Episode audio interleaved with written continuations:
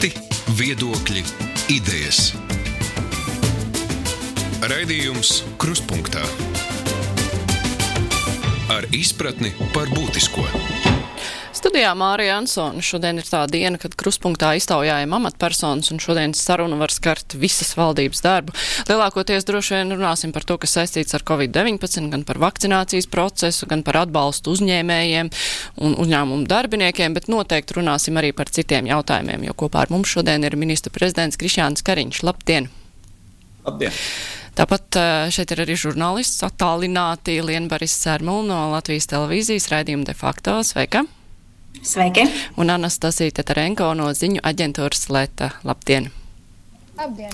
Vispirms par vakcinācijas procesu, to, kas notika pagājušajā nedēļas nogalē. Jūs pirms tam bijāt ļoti neapmierināts, teicāt, ka esat dusmīgs, lai gan nebijāt plānojis būt dusmīgs. Nu, bet kā tad vērtējams, vai tas ir uh, vakcinācijas organizēšanas veiksmes stāsts vai nē, ņemot vērā, ka vakcinētas tika priori, netika prioritārās grupas tik lielā mērā šoreiz.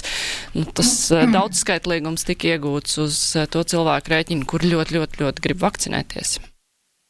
Eh, nu, atcerēsimies to, ka pirms eh, kādiem no trim mēnešiem pirms Pavļotkungs kļuva par ministru, veselības ministrijai faktiski, diemžēl, nebija īsti plāns un skaidrība, kā šo vakcināciju veiks. Un ministrs ir ienācis faktiski īsā laikā, jāsaka, ir ir uzorganizējis sistēmu, kas viss ir vietā un viņa tagad sāk strādāt. Tātad mums gan ir, eh, protams, ģimenes ārsts praksa, kas jau bija paredzēts un cits ārstniecības iestādes, bet arī klāt šie lielie centri.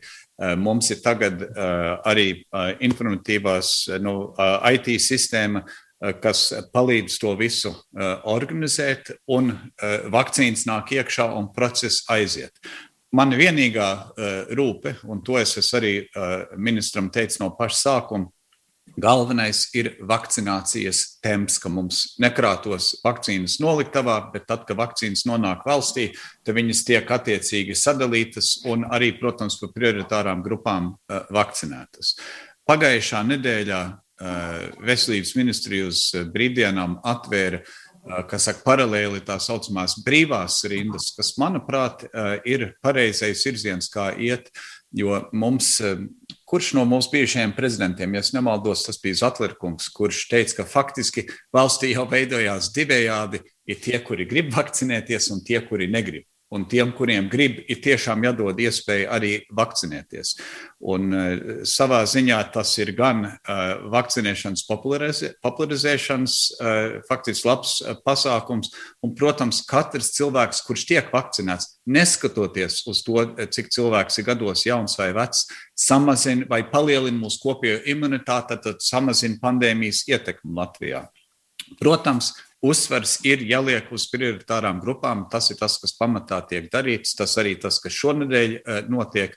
Bet es esmu arī publiski un privāti aicinājis veselības ministru tomēr pēc iespējas šo te brīvās vai dzīvās rindas elementu iebūvēt ikdienā. Jo jebkurā centrā, lielā, mazā, tas lielākais trakums varētu būt, ka nāk tā diena uz beigām, paliek tie atvērtie, nu, tie flakoni iekšā ir, ir 10 vai 11 uh, pošu devas.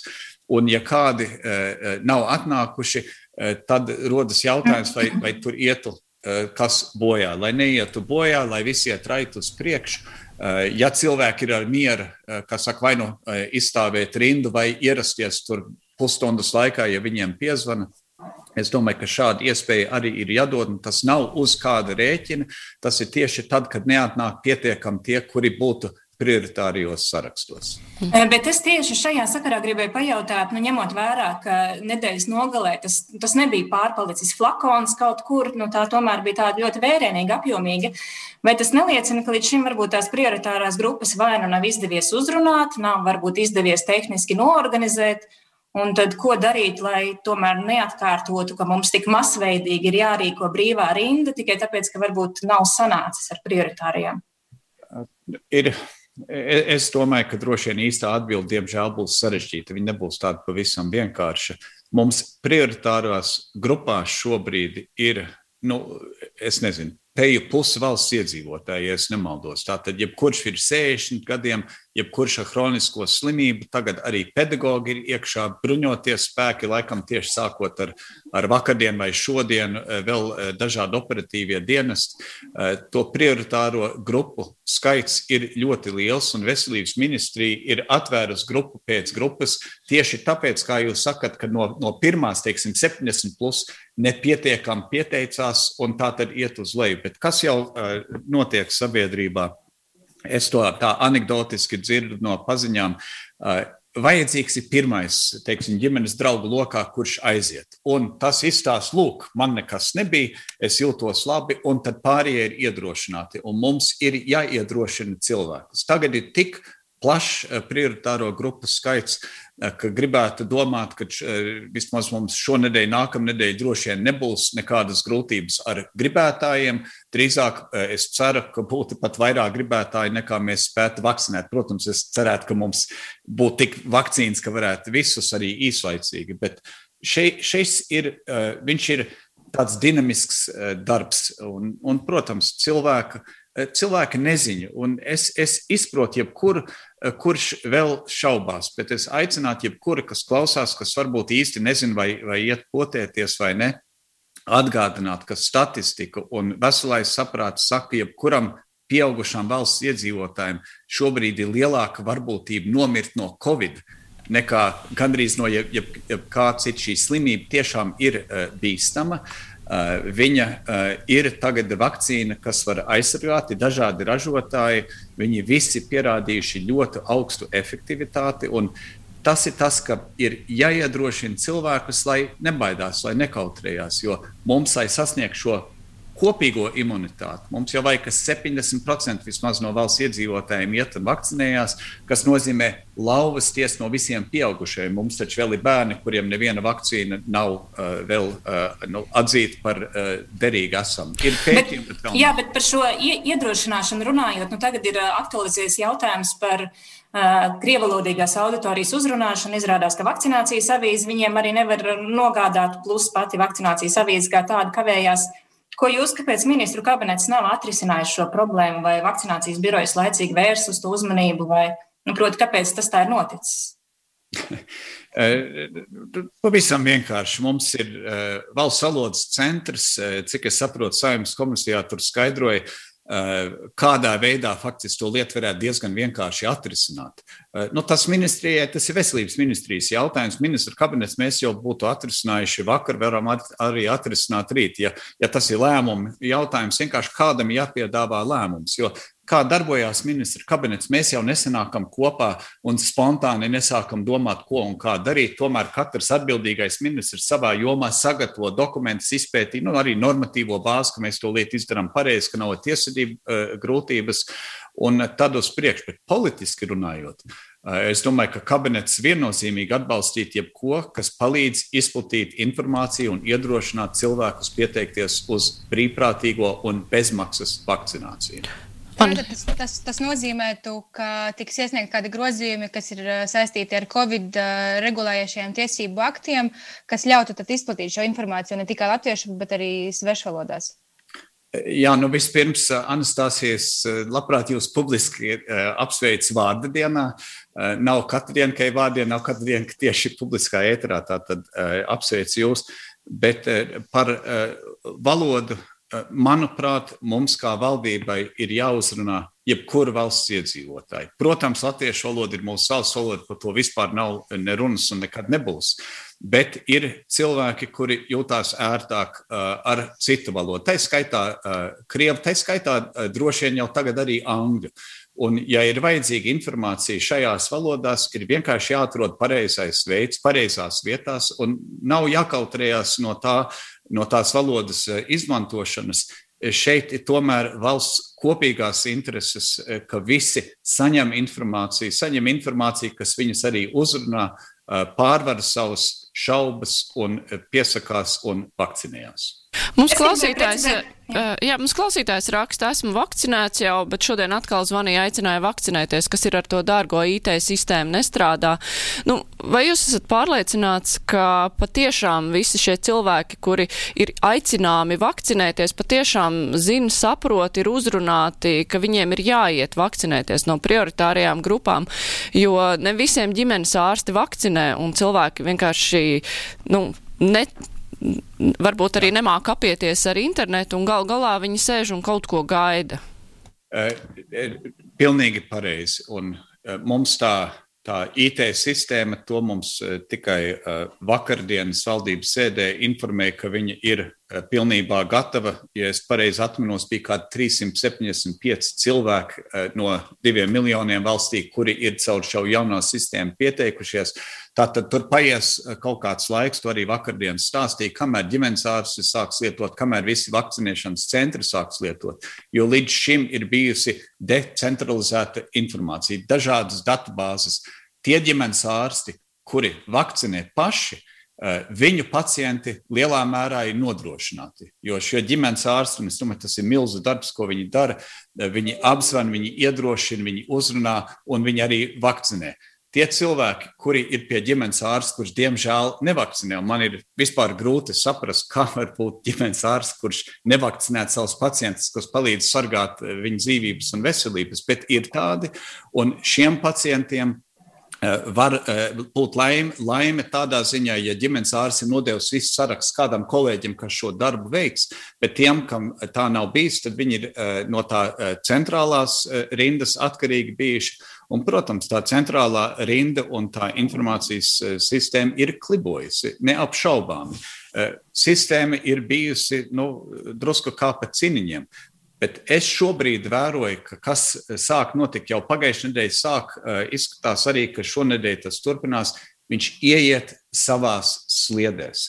Un ar katru dienu, ar katru nedēļu visiem tas kļūst aizvien saprotamāk. Galvenais kā ārstniecības iestādēm un tiem, kuri vakcinē, ir skaidrs, kā viņi var apieties ar šo sistēmu, un iedzīvotājiem paliek es saprotu, pilnīgi nemainīga, kā var pieteikties. Tātad caur mana vakcīna LV vai zvanot pa tālruni, korģējiet mani tik daudz, tie četri cipari tālruni, man liekas, šis bija 8989. Tātad zvanot vai internetā lietojot, nonāk tajā pašā vietā, kur aizpild dažādu veidu informāciju, un tad arī cilvēks attiecīgi tiek uzrunāts no pakalpojumu sniedzēja. Par šo IT sistēmu runājot, nu, līdz šim uz visām, gandrīz visām problēmām tā tika minēta kā atbilde. Nu, tad, kad būs, tad viss būs kārtībā. To vai tā būs, mēs, protams, varam cerēt un skatīties, bet vai jums pašam ir kaut kādi kriteriji, nu, kā jūs turpmāk vērtēsiet, izdodas vai neizdodas šis vakcinācijas process, un, un kādu tad atbildību prasīsiet vai neprasīsiet no veselības ministra? E, ļoti elementāri e, tā pamatprasība ir, ka vakcīnas, kas ienāk, tiek operatīvi uh, izvakcinētas. Tā tad uh, slikta parādība būtu, ja mums uh, uh, palielinātos vakcīnu krājumi valstī. Tātad viņi neatrod plecu. Uh, tas, uh, un tur man būtu pilnīgi vienalga, vai tas ir uh, IT sistēmas dēļ, kaut kāda piegādātāja dēļ, tur nestrādājoša centra dēļ. Tas ir labojams un maināms. Es ikdienā sekoju līdz tiem pašiem datiem, ko seko līdz veselības ministrs. Labā ziņa ir tā, ka mums turpina ienākt dažādi veidi vakcīnas, un mēs redzam, ka līdz jūnija beigām mums ir apstiprinātas Nu, atkal ir ienākusi kāda krava, bet uh, tur uh, vairāk kā miljons uh, vakcīnu devi ir jau apstiprinātas, tad tur vēl nav no AstraZenekas apstiprinātas no sūtījuma, bet droši tas skaits būs lielāks, varbūt par pulku lielāks par šo. Tātad vakcīnas šobrīd nav lielākā grūtība. Tas, uz kā es turu vērīgi acis ikdienā, ir, ka mums neiet krājumu uz augšu. Un pēc šodienas ātriem aprēķiniem, skatoties, ka mums valstī ir ienākuši tik vakcīnas un izvakcinēts tik, un lieltirgotavās tiek turēts otrām devām zināms skaits, mums ir kaut kur starp 35 un 38 tūkstoši vakcīnu devas. varētu teikt, procesā, nu, kas ir pie viena vai otra ārstniecības iestāde, pie ģimenes ārsta vai pie lielā centra vai slimnīcā, kur es pieņemu, tad ir cilvēki, kuri pierakstās un vakcinējās, un tad es sagaidītu, ka nākamā nedēļa uh, mēs otrdienas sēdē, ja pagājušajā nedēļā mēs izplatījām uh, 30 tūkstoši, tad šonadēļ vajadzētu būt lielākam skaitlim, kaut kur ap 35 vai pat vairāk tūkstošu vakcīnām. Ja tas tā ir, tad es redzēšu, ka nu, es nezināšu īsti kāpēc, bet es redzēšu, ka process iet uz priekšu. Es neesmu tāds, eh, kas tic, ka saka, tas burvjus izlūks kaut kāds IT sistēma, visu atrisinās. Uh, ir jāspēj uh, visai sistēmai strādāt, un neviena sistēma nestrādās ātrāk par viņas lēnākā, lēnāko sastāvu. IT sistēma palīdz varbūt pārvaldīt. Nu, var redzēt, cik es sapratu arī no veselības ministra, līdz šim ministrijai bijis grūti saprast, ja kādā vakcinēšanas punktā nevakcinē, viņi to neredz operatīvi. Eh, viņi to redz nu, dažu dienu ar, ar nobīdi vai pat nedēļas nobīdi. Jo ir, ir daudz ģimenes ārsti, eh, kur acīm redzot, vispār nelieto informācijas tehnoloģijas un, nu, kā saka, piezīmju blociņiem vēl strādā. Nu, tā informācija pienāk lēnāk. Es saprotu, ar šo jauno sistēmu viņi ir daudz operatīvāk var redzēt, kas nozīmē viņiem būt iespēja, ja vienā punktā sāk uzkrāties vakcīnas, nu, vienalga, kāpēc nevakcinē, tad viņi varētu pārvietot no viena punkta uz otru, kur ir lielāks pieprasījums. Un tā tas būtu lielākais devums no šīs sistēmas, bet pats par sevi tas viss, protams, tas nav burvjas izsmeļs. Anastasija. Jūs šodien raidījumā norādījāt, un arī vairākas valdības sēdēs jums ar veselības ministru bija vārdu apmaiņa par to, ka jūs gribētu, lai dzīvās rindas ir īstenotas biežāk un iespējams kļūst par daļu no vakcinācijas procesa. Pavļeta kungam ir cits viedoklis. Pie kādas situācijas jūs brīvprātīgu piespēju brīvprātīgā piespiedu kārtā, teiksim, tā, liksiet tomēr tās rindas dzīvās iedzīv, iedzīvināt kā vakcinācijas procesu? Vai tās ir konkrētas uh, brīvās vakcīnas, vai, vai, vai, vai kāda ir tā situācija, kad tam būtu jūsuprāt obligāti jābūt? Eh, nu, es, es censtos eh, iejaukties tikai tādā gadījumā, ja mēs redzam, ka vakcīnas sāk uzkrāties, ka neiet process uz priekšu. Un tad ir, tad ir jāiesaistās, un tā brīvā rinda mēs redzējām, ka bija ļoti ātri, eh, nu, tāda pilnīgi brīva un, un, un plaši izsludināta. Bet es, es domāju, ka nepaies ilgs laiks, ka tas kļūs tāpat daļa no ikdienas. Uh, kā, kā vienmēr mūsu veselības ministrija, nu, viņi ir, viņi ir tāda, varbūt labi, tāda konservatīvāka ministrija. Uh, nu, kā saka, grib trīsreiz mērīt eh, pirms griež, un es esmu valdības vadītājs, kas visu laiku spiež uz tempu. Un viņi, tas ir saprotami, ārsti nav nu, saka, pieraduši pie tempa. Viņam galvenais ir labs rezultāts. Un kā kā, kā, nu, kā saka, mēs, kā jebkurš kā potenciāls pacients, protams, tas ir galvenais, kad labi izārstē. Tikai šajā gadījumā šeit nav runa par ārstēšanu, šeit ir runa par potēšanas procesu. Ja viņš neiet pietiekami raiti, kā viņu ir iecerēts, tad ir jāatrod veids, kā pātrināt, un, protams, brīvā vai dzīvā rinda, kā papildus elements to var izdarīt. Un viņš arī ļautu un atrisināt uh, to daļu uh, frustrācijas sabiedrībā, ka ir Uh, nu, varbūt tādi, kuriem nav nekādas blakus saslimšanas, varbūt 45, 50 gadīgi uh, cilvēki, kur tāpat saprot, ka ir zināms risks nonākt uh, slimnīcā, jo vecāks cilvēks, jo lielāks risks šis ir. Viņi labprāt vakcinētos un netiek klāt, jo uh, skaitās citi, un tie citi neiet. Ja tie citi neiet, tad mums ir grūtība. Bet, ja tie prioritāri iet, tad es nesaskatu uh, problēmu. Galvenais ir kad vakcīnas nekrājās un ka mēs izplatējām pamatā visu to, kas mums ienāk iekšā nedēļas ietvaros. Mums klausītāji ļoti cītīgi zvana. Es pacelšu klausulu. Halo! Halo, labdien! Labdien! Karina kungs, man gribētu zināt, kas jums liedza no paša sākuma, kad atklāja šitos slimos uh, pacientus, izolēt viņus vienā ēkā un Katru dienu ir 700 slimie. Kur viņi klīst, kur viņi aplaiž pārējo Latvijas iedzīvotājus. Vajadzēja no paša sākta gala uh, izolēt viņus vienā teltī, tā kā uh, karavīriem ir tās lielās teltis, un visus ar policijas palīdzību, visus likt iekšā, un tad nekur nelaist ārā viņus, pa, lai klīst pa visu Latviju, pa visu Jā, nu, doma skaidra, laikam neiespējama Latvijā. Nu, bet ir jāatcerās, pašā pandēmijas sākumā eh, SPKC spēja faktiski katru slimnieku identificēt, viņi spēja arī izolēt, ko varētu teikt, to to, to virtuālo žogu ap viņu aplikt, bet šī slimība ir nedaudz viltīgāka. Diemžēl viņa iet pa gaisu ceļu, un viņa daudzos cilvēkos, un ta, tas jau ir tas, tas šī vīrusa drausmīgā viltība. Daudzi cilvēki, kuri ir saslimuši, ir bez simptomiem, respektīvi me, viņi nejūt.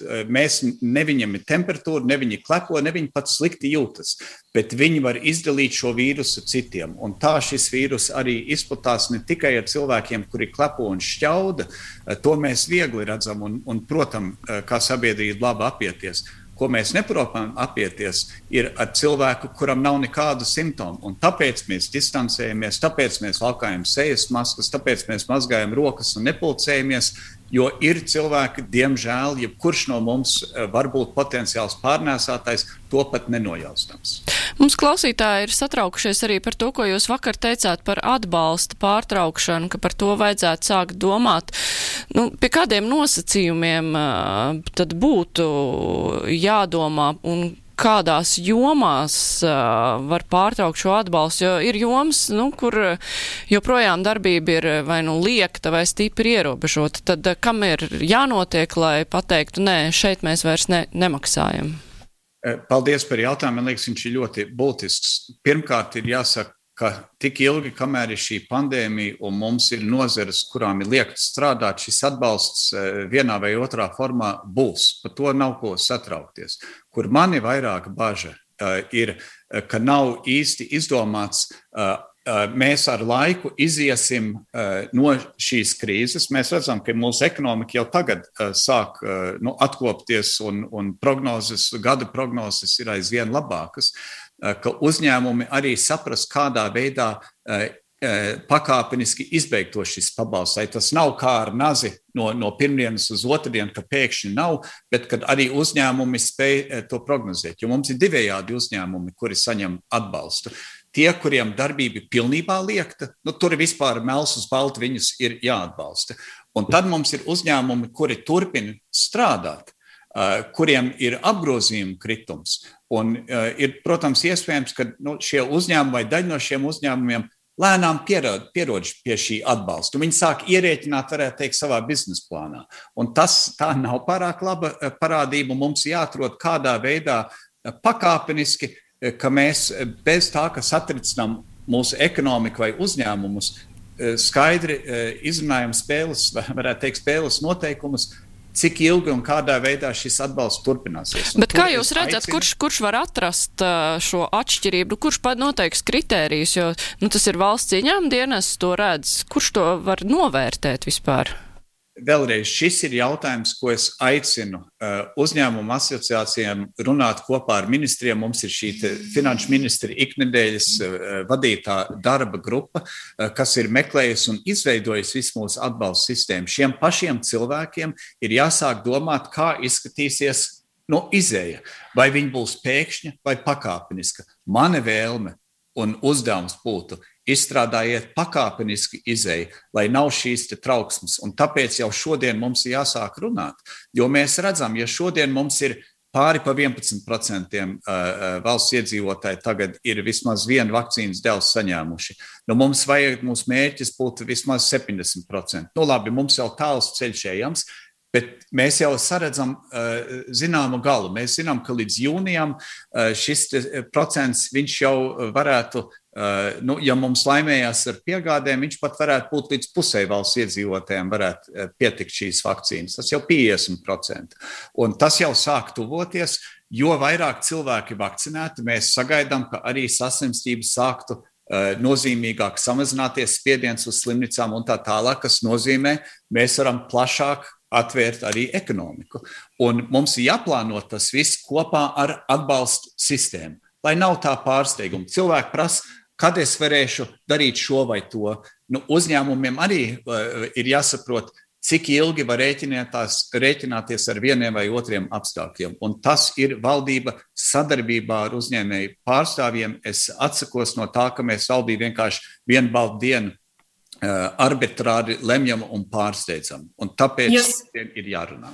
Jūs esat devis kādu uzdevumu, nu, cik ilgā laikā šim plānam ir jābūt? Nu, ja jūs sakat, šodien jāsāk runāt, cik ilgi mēs par to varam runāt? Eh, es esmu ar finanšu ministru eh, par to runājis. Nākamajā eh, viņa sasauktā grupā viņi par šo spriedīs, un tad no viņiem es sapratīšu, kādi tie jautājumi, kāda vispār ir diskusija, un tad mēs jau sapratīsim laika rāmi un par ko mēs īsti runājam.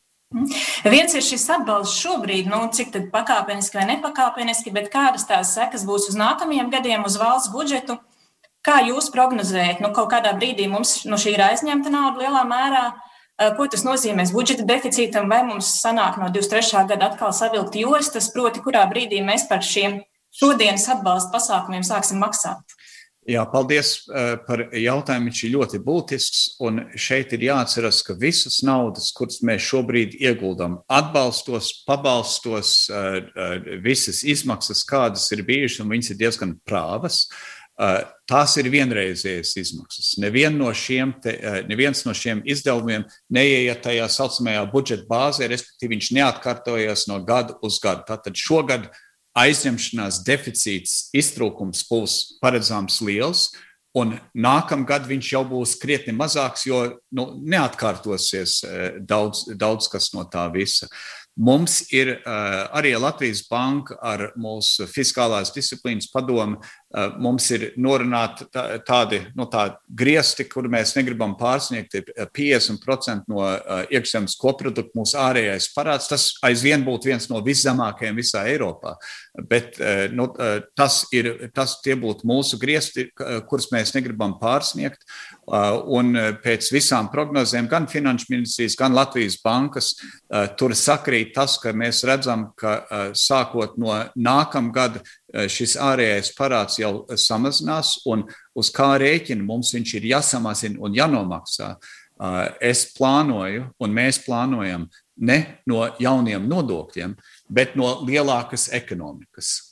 Un eh, lielāku ekonomiku mēs arī gribam panākt caur gudrām investīcijām. Tātad mēs esam arī diezgan daudz infrastruktūrā ieguldījuši arī šajā atbalsta posmā, gan slimnīcu infrastruktūrā, ceļu infrastruktūrā, citur.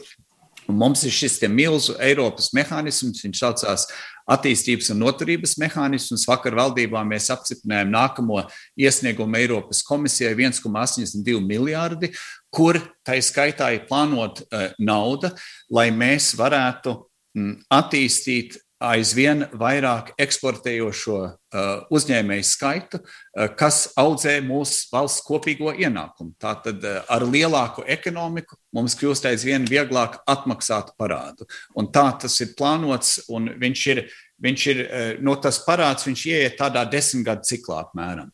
Un mums būtu trijos gados, četros gados jau viņš jādabū kaut kur uz 45, un tad viņš varētu atkal straujāk krist pēc tam, jo lielāka mūsu ekonomika, tā laika pienāk nākamā krīze, un viņas mēdz pienākt apmēram ik pa desmit gadiem, skat kā grib vēsturiski, lai mēs nākamreiz, un mēs jau nezinām, kas varētu tad būt, Eh, ka mums atkal parāda līmenis būtu pietiekami zems, ka mums atkal ir no kā aizņemties un eh, palīdzēt saviem eh, iedzīvotājiem un uzņēmējiem pārvarēt. Un šoreiz, pateicoties tam lielam atbalstam, kas ir bijis, gan Latvijas Banka, gan Finanšu ministrija, ekonomikas ministrija, visi tagad ir piekuraģējuši savus, savus gadu prognozes mūsu ekonomikai uz augšu. Un tā ir ļoti pozitīvā lieta, ja šogad ir plānots pār pa 3% izaugsmu, Eh, nākamgad jau ir pāri pa 6% izaugsmu eh, plānota.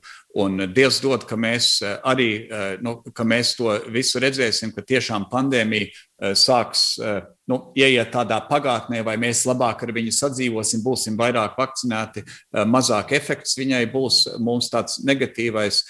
Tas nu gan varētu būt ļoti optimismu pilns laiks, un, un tas ir arī tas, uz ko mēs strādājam. Mēs no šodienas pandēmijas skatu, es visu laiku skatos aiz, nu, saka, tālāk aiz apvāršņa. Un tas ir, ko mēs plānojam, audzēt ekonomiku, lai nebūtu jāceļ nodokļi. Ja, ne, ja nekļūdos, tad pirms divām nedēļām valdības sēdē uh, Latvijā kumulatīvais rādītājs uh, tuvojas jau tiem rādītājiem 320, kas nozīmē, ka mēs varētu atvērt uh, papildu nozares, kas līdz šim ir bijušas slēgtas. Šodien uh, līdz ar vakardienas jaunākajiem datiem, ko sniedz PKC, kumulatīvais rādītājs jau ir pietuvojies 410. Šonadēļ jūs par ierobežojumiem nelēmāt valdībā, un vakar izteicāties, ka visticamāk neko neatvērsiet jaunadēļ, bet vai pie šāda kumulatīvā rādītāja pieauguma tempa un arī pie tā rādītāja, kas slimnīcās gultu aizņemto ar covid pacientiem nekļūst mazāk, vai jūs redzat iespēju, ka nākamo, nākamajā nedēļā valdībā varētu tikt izskatīt un pieņemt lēmumi par jauniem ierobežojumiem. Varbūt ne jauniem, bet kaut kādu veco ierobežojumu uh, atgriešanu ikdienā. Uh, jā, paldies par jautājumu. Ka mēs pēdējo reizi šo visu skatījām, uh, tas vēl bija marta, marta otrajā pusē. Tad mēs izstrādājām dažādi, vai faktiski eksperti izstrādāja, mēs arī pieņēmām zināšanai dažādus variantus, tā skaitā to saucamo D variantu. Nu, ja ir Eh, atkal jāiet kaut kādā stingrākos ierobežojumus, kas būtu tie ārējie rādītāji. Un tur bija kombinācija ar strauju saslimstību, eh, eh, no, kā saka, tempa pieaugumu un arī uh, to vidējo rādītāju pie 600. Uh, Tātad mēs vēl esam, paldies Dievam, uh, tālu no tā, un arī uh, mūsu slimnīcas gultas, gultas skaits nepalielinās, ne samazinās, uh, bet viņš nepieaug. Nu, no tāda viedokļa mēs varam teikt, ka tas ir labi, uh, slikti tas, ka viņš arī nesamazinās nav nekādas šodienas uh, pazīmes, ka mums kaut kas radikāli ir mainījies. Ja mēs skatāmies 30 dienas skatījumā, mums faktiski nav ne vairāk, ne mazāk saslimušo. Mums ir tikpat tagad, cik pirms mēneša. Kas ir slikti no tāda viedokļa, ka mēs uh, cerējām un plānojam uz samazinājumu, Bet, ja mēs salīdzinām sevi ar jebkuru citu Eiropas valsti, tad mēs esam izdarījuši līdz šim vienu ļoti labu lietu. Mēs esam apturējuši jebkādu strauju pacēlumu līdz šim. Bet, ja šāds straujais pacēlums parādītos, nu, tad mēs, arī mums ir plāns gatavībai, kā mēs rīkotos, bet tas nav tas, ko mēs neceram, ne gribam. Mēs vērojam, un jo mēs neredzam šo kritumu, Tad šobrīd, eh, nu šodien ir trešdiena. Eh, protams, līdz nākamajai nedēļai eh, vēl šis tas varētu mainīties, bet šobrīd es neredzu nekādu pamata domāt, ka mēs varētu īpaši mainīt atvieglojumus. Drīzāk mums būtu jānotur plus mīnus tas, kas mums šobrīd ir. Jābūt pacietīgiem un jāatgādinam viens otram, ka mēs vēl no tā meža laukā neesam, tikai 11%. Tas ir labi, bet tas ir tikai 11% vakcinēti. Tas vēl nav pietiekami daudz. Tā aptvere nav tik liela, ka tas vēl uh, būtiski iet, ietekmētu saslimšanas izplatību vai slimības izplatību.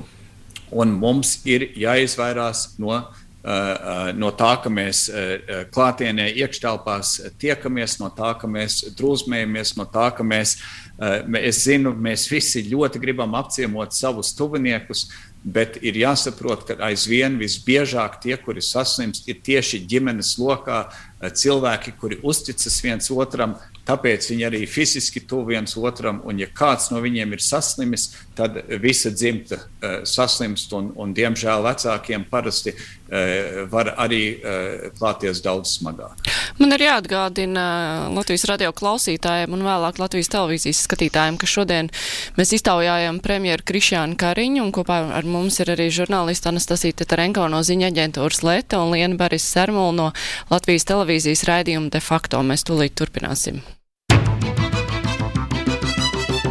Raidījums Krustpunktā. Mums ir klausītāja jautājums, vai ir domāts par tiem Latvijas pilsoņiem, kuri plāno vakcinēties vai jau ir vakcinējušies ārpus Latvijas. Šajā gadījumā runa ir par Baltkrieviju, bet ir arī cilvēki, kuri vakcinējušies Krievijā. Vai ir domāts par to, vai šo vakcīnu pirmkārt atzīt, ka tā ir, nu, ka cilvēks ir vakcinējies un arī piemērot viņam šo zaļo ceļošanas certifikātu. Grieķija grib atļaut uh, tos, kuri ir vakcinējušies ar Sputņiku, un, lai pie viņiem varētu ierasties turisti no Krievijas. Kāda Latvijas pozīcija būs? E, Vakardien mēs uzklausījām veselības ministriju, mūsu ekspertus, un es sapratu, šobrīd tā nostāja ir, ka mēs atzīstam tās vakcīnas, kuras ir vai nu Eiropas zāļu aģentūras vai Pasaules veselības organizācijas atzītas no, vakcīnas, ka viņas tiešām ir derīgas. Es, piemēram, esmu lasījis droši vien kā daudzi ka Čīlē, laikam, kur izmanto šo ķīniešu vakcīnu, konstatēts, ka pēc tās pirmās devas aizsardzība faktiski ir, ir, ir ļoti, ļoti zema. Viņi nesalīdzinās ar tām vakcīnām, kas ir mūsu valstī. Un kā ir divām devām, e, es arī īsti nezinu. Šīs, šī vakcīna, cik es zinu, nav uh, vēl plaši uh, atzīta un līdzīga ar Krieviju attīstīto uh, vakcīnu. Cik es zinu, arī viņi vēl nav reģistrēti, jo iziet reģistrācijas process nozīmē atklāt savus datus, ļaut citu valstu zinātniekiem uzmanīgi, rūpīgi iziet cauri visiem rezultātiem un tad spriest, vai ir tā, kā saka, vai nav tā, kā saka. Un tā tad šobrīd šķiet, ja kāds domā, vai nu, saka, būtu cerējis uz vienu nereģistrētu vakcīnu, pirmkārt, no tā drošuma es nekā nevarētu spriest un neieteiktu, jo, nu, ja nav lielās aģentūras un speciālisti devuši savu slēdzienu, tad es kā kā saka, nespeciālists, gan e, individuāli neusticētos. Un otrkārt, izskatās, ka šo Eiropas e, zaļo certifikātu e, tur droši vien būtu vajadzīgs, ka tas ir Eiropā atzīt, atzīta vakcīna. Vai tas varētu ar laiku notikt vēl ar citām vakcīnām? To gan es pieļauju. Bet, cik es zinu, tas vēl līdz šai dienai neviena no šīm te austrumos ražotajām vakcīnām vēl nav Eiropā reģistrētas. Ja, ja var, man ir jautājums vēl par to, ko nu, ierobežojumu kontekstā, par ko runājam arī iepriekš. Jūs minējāt, no meža vēl neesam laukā. Kā jūs komentētu valdībā šo diskusiju sabalansētību par tematiem, ja tā varētu izteikties? Jo mēs ļoti daudz uzmanības veltam skaistumkopšanai, tad dziesmu svētkiem, tikmēr īpaši bērnu vecāki satrauc par to, kas īsti notiks ar izglītības kvalitāti. Un vai nav tā, ka mums ir kaut kādi temati, kas varbūt nepelnīti ir lielāku uzmanību pelnījuši, kamēr bērni, bērnu izglītības kvalitāte ir palikusi otrajā plānā, kamēr diskutē, piemēram, vai iet pie friziera vai pie manikīra. Tur es varētu piekrist, bet redz, valdības diskusijas un tas, kas izraisa gan politiķu, gan preses interesi, nevienmēr ir tas, kas varbūt ir tas būtiskākais, varbūt ir tā, tas, kas ir emocionālāks un Un eh, nu, politiķi arī droši vien eh, vairāk vai mazāk ir tādi mediji eh, jūtīgi un kaut kā runā līdzi vai par tām tēmām pārī, ko mediji labprāt prasa. Bet, protams, bērnu izglītība. Tā ir viena no vislielākajām bažām, kas man, es domāju, ka faktiski visiem valdībā tas ir nenoliedzami. Un es pilnībā saprotu izglītības ministra kura uh, ir no sāktā gala uh, bijusi faktiski visu laiku pret to, ka ierobežot skolu darbību un tā tālāk, jo tas ietekmē izglītības kvalitāti. Un to neviens neapšauba. Tas ietekmē uh, izglītības kvalitāti un ne labā virzienā. Bet, diemžēl, mums arī bija ļoti skaidri rādītāji, ka Latvijā tieši vīrus visstraujāk izplatījās skolās. Un tad, kad skolas slēdz, tad mums arī bija pirmais nozīmīgais krita, krit, kritums arī tā skaitā tajā reprodukcijas no koeficientā. Viņš, viņš bija kaut kur pie trīs, un tad viņš nokritās atpakaļ lejā uz viens. Tātad no nu, viens sasimošais vidēji ap, aplaiž vēl vienu, nevis viens aplaiž vēl trīs. Tā, tā ir geometriskā progresija.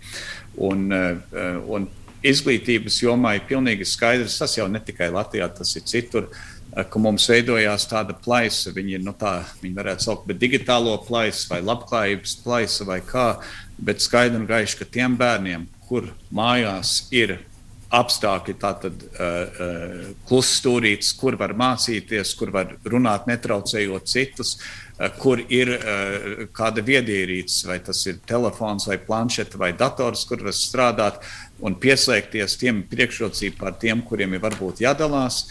Tad vēl ir ģimeņa atšķirības, ir mājas, kur ir miers, ir mājas, kur ir atbalsts, ir mājas, kur ir palīdzība. Anekdotiski liekas, ir mājas, kur vecāki pild šos mājas darbus, ne, ne bērni paši, bet nu, tas vecāks ir motivēts un tas bērns jūt to atbalstu. Uh, un, diemžēl ir arī uh, maisaimniecības, kur tā nav, kur varbūt vecāki nav tik interesēti, vai nav laika vienkārši. Uh, vai, vai, vai ir arī, diemžēl, kur nav labvēlīgi, nerunājot par, par materiāliem apstākļiem, bet arī nu, teiksim, par emo, psihoemocionāliem.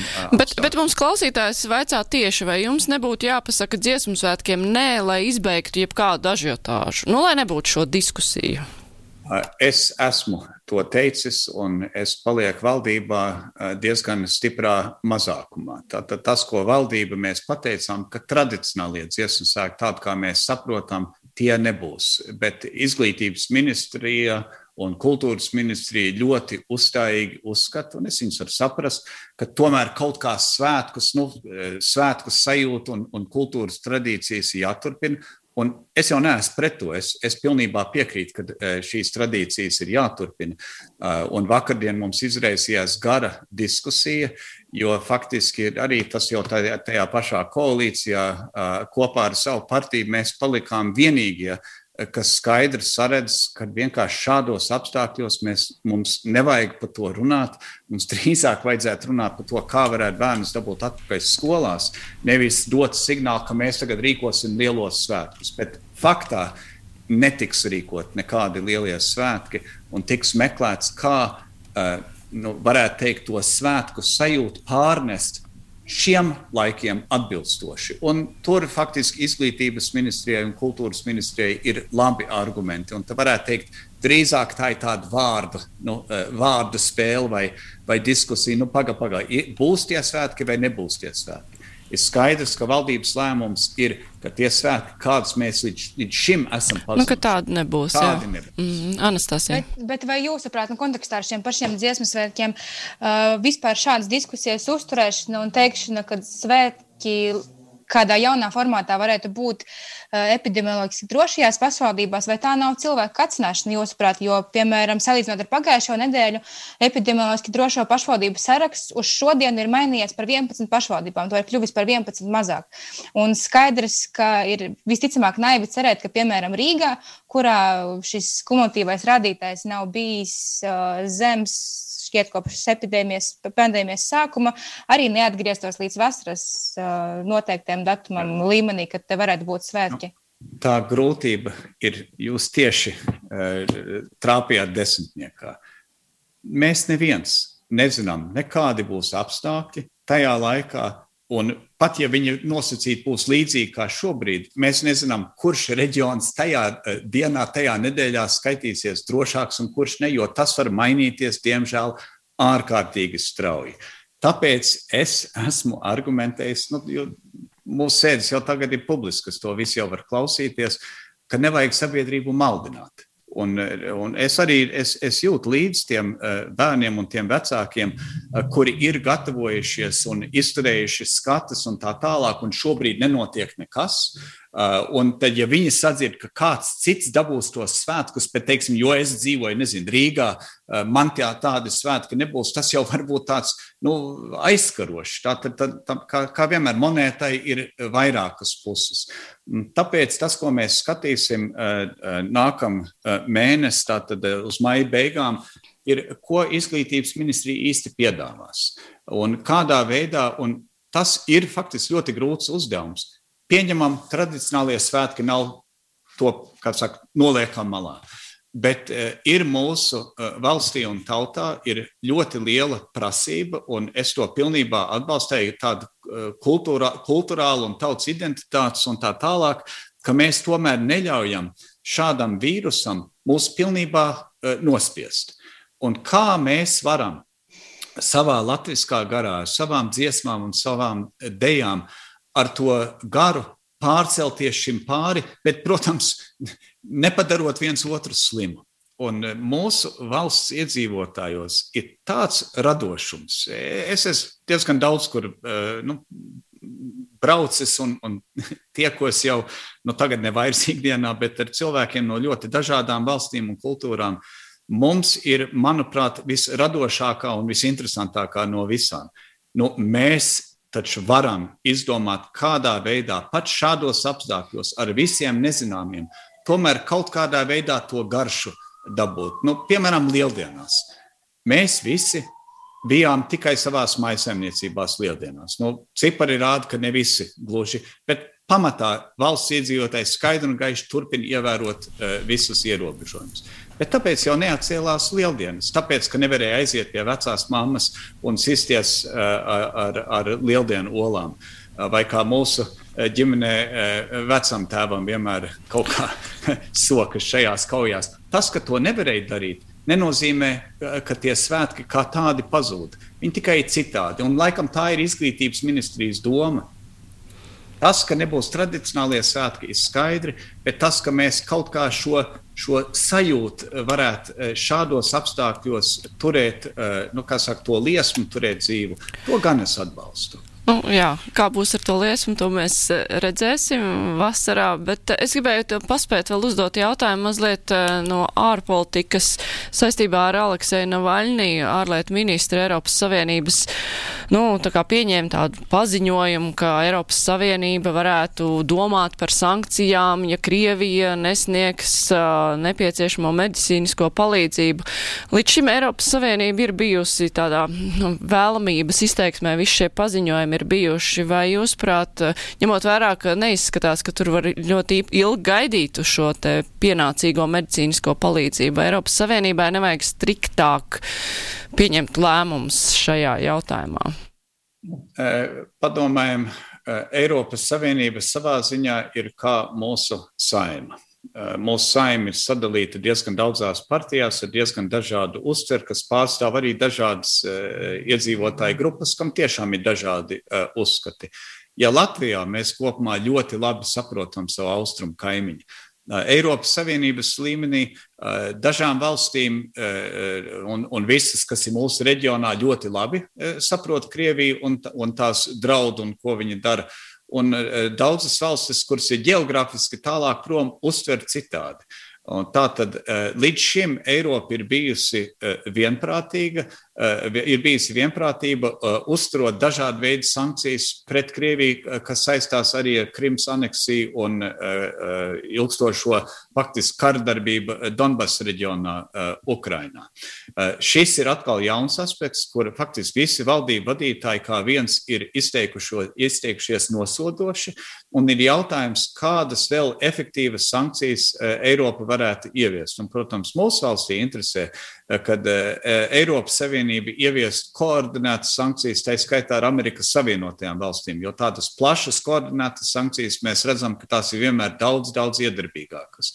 Diskusijas notiek, Eiropas Savienība, mums tā, tā, tā apvienība, kāda viņa ir izveidota, viņa nemēdz būt tāda, kas var vienmēr ļoti īsā laikā reaģēt, bet viņai viena īpašība gan tad, kad reiz izdomā, tad viņa nav vairs apturāma. Un tāda, eh, tāda valsts kā mēs, un īpaši mūsu ārlietu ministrs, viņš strādā nenogurstoši, eh, tiekoties arī klātienē, tiekoties ar saviem dažādiem Eiropas kolēģiem, runājot, meklējot, kā pārliecināt, sniedzot informāciju. Un mēs nenogurstoši, tas ir aizkadrā, tas notiek pilnīgi ikdienā. Tā ir viss ārlietu dienas struktūra, kas to dara, visi mūsu vēstnieki to dara. Uh, un tiešām cepurnos mums ir ļoti spējīgi un kompetenti vēstnieki pa visu pasauli. Tur es tiešām esmu lepns. Mēs šo darbu turpināsim. Bet uh, tas, ka uh, kad Eiropas Savienība varbūt nu, viņi, viņi ir drusku tāda smagnēja, bet līdz šim, kas attiecās uz Krieviju, viņa ir bijusi eh, vienās pozīcijās ar mums, vai mēs esam bijuši vienās pozīcijās ar visiem pārējiem kolēģiem. Bet eh, kā ar Čehiju? Čehija aicina arī savus NATO un Eiropas Savienības partnerus izraidīt Krievijas diplomātu saistībā ar sprādu, to, ko viņi atklāja ar šo te sprādzienu munīcijas noliktavā. Latvija domās par to vai gaidī arī kopā ar citiem runās? Jā, šeit, cik es saprotu, eh, notiek eh, diskusijas. Es laikam tālāk neizteikšos par to, bet eh, tad, kad Lielbritānijā bija šī te, šis indēšanas gadījums ar skripāļiem, tad no daudzām Eiropas Savienības valstīm bija nu, solidarizējoši nu, atbildes vai, vai nu, kā to teikt, gājieni vai, vai reakcijas no dažādām uh, valstīm. Uh, tagad uh, tiek prasīts kas līdzīgs. nu, gadījums, un, un tā ir pat stipri radniecīgs laikam. Es saprotu, ka tur notiek diskusijas par, par to. Kolēģi, ir laiks mums Bet... kādam vienam noslēdzošam jautājumam, Anastasija. Es gribēju vēl precizēt par šo Navaļnija situāciju, ņemot vērā, ka tā situācija vēl kas jau diezgan ilgu laiku, un Eiropas Savienības līderi jau arī ir pauduši nosodījumu, vai jūsuprāt, šo nosodījumu paušanu nevar vienkārši vērtēt eh, daudzi cilvēki, kas vēro eh, notikumus kā vienkārši pirkstiņa pakratīšana par to, ka Krievija rīkojas slikti un nu, zūd tā kaut kāda ticība cilvēkiem par iespēju un spēju vispār Eiropas Savienībai eh, koordinēt un vienot rīkoties, lai kaut kā aizstāvētu cilvēku tiesības? Nē, nu, atcerēsimies, ka ir jau uh, dažādi veidi sankcijas izveidotas. Jautājums ir atrast, kas būtu tās trāpīgākās sankcijas. Un tas ir, kur parasti visgarākās diskusijas. Nevis vai vajag sankcijas, bet kā vislabāk to darīt. Un uh, ir sankcijas, kas skar uh, ekonomiku, uh, un sankcijas, kas skar individus vai uzņēmumus vai, vai dažādu veidu grupējumus, uh, un ir jāizvēlās pareizo. Uh, jo atcerēsimies, tik cik, uh, uh, nu, kā varētu teikt, uh, Krievija uh, nav, lai nu kā gribētu, no pasaules izolēta. Viņai ir ļoti, ļoti lielas un nopietnas nu, biznesa intereses arī ar pārējo pasauli. Un ir jautājums, kurā brīdī kādu sankciju izmanto, kas šo varētu ietekmēt. Jo, protams, Eiropai un pārējai pasaulē pat tajā arsenālā ir ļoti spēcīgas sankcijas. Jautājums, kurā brīdī ko no šī sankciju eh, iespējamā arsenāla izmantot. Un tas ir tas, par ko diskutē, meklē atrast pareizo, eh, kas dod vēl iespēju eh, arī no Krievijas puses pārdomāt rīcību un mainīt savu kursu. Jo tas jau būtu tas mērķis, jebkura sankcija mērķis nav sankcija, lai sodītu. Sankcijas ir vērstas uz to, lai mainītu savu uzvedību. Un tas ir tas, uz ko mēs esam orientēti, un tas ir tas, uz ko mums ir jātur savs Eh, galvenais redzes lokus, ka mēs eh, panākam tās eh, pamatprasības, ko mēs esam jau uzstādījuši. Bet tā pavisam īsi jūs novērtētu, nu, tās sankcijas, kas ir bijušas līdz šim, ir spējušas ietekmēt reāli Krieviju? Zināmā ir veidā visas sankcijas ietekmē. Vai tās sankcijas bijušas pietiekami, lai panāktu, nu, piemēram, tas, ka izbeidz kardarbību Donbasā vai atkāpjas no Krimas, Eh, atbildi skaidra, ka līdz šim nē. Bet atcerēsimies, eh, eh, kā politikā un tā daudz kas var mainīties arī reizēm samērā īsā laikā.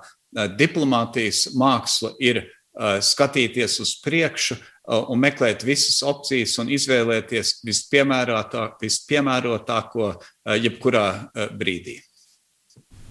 Arsenāls Eiropas Savienībai vēl ir pietiekoši liels Jā, es domāju, ka viņai ir. Īpaši, ja saliek kopā ar Savienotajām valstīm, taču padomājam, ekonomiskā ziņā, nu, tur ir vēl diezgan daudz, ko varētu darīt, ja gribētu.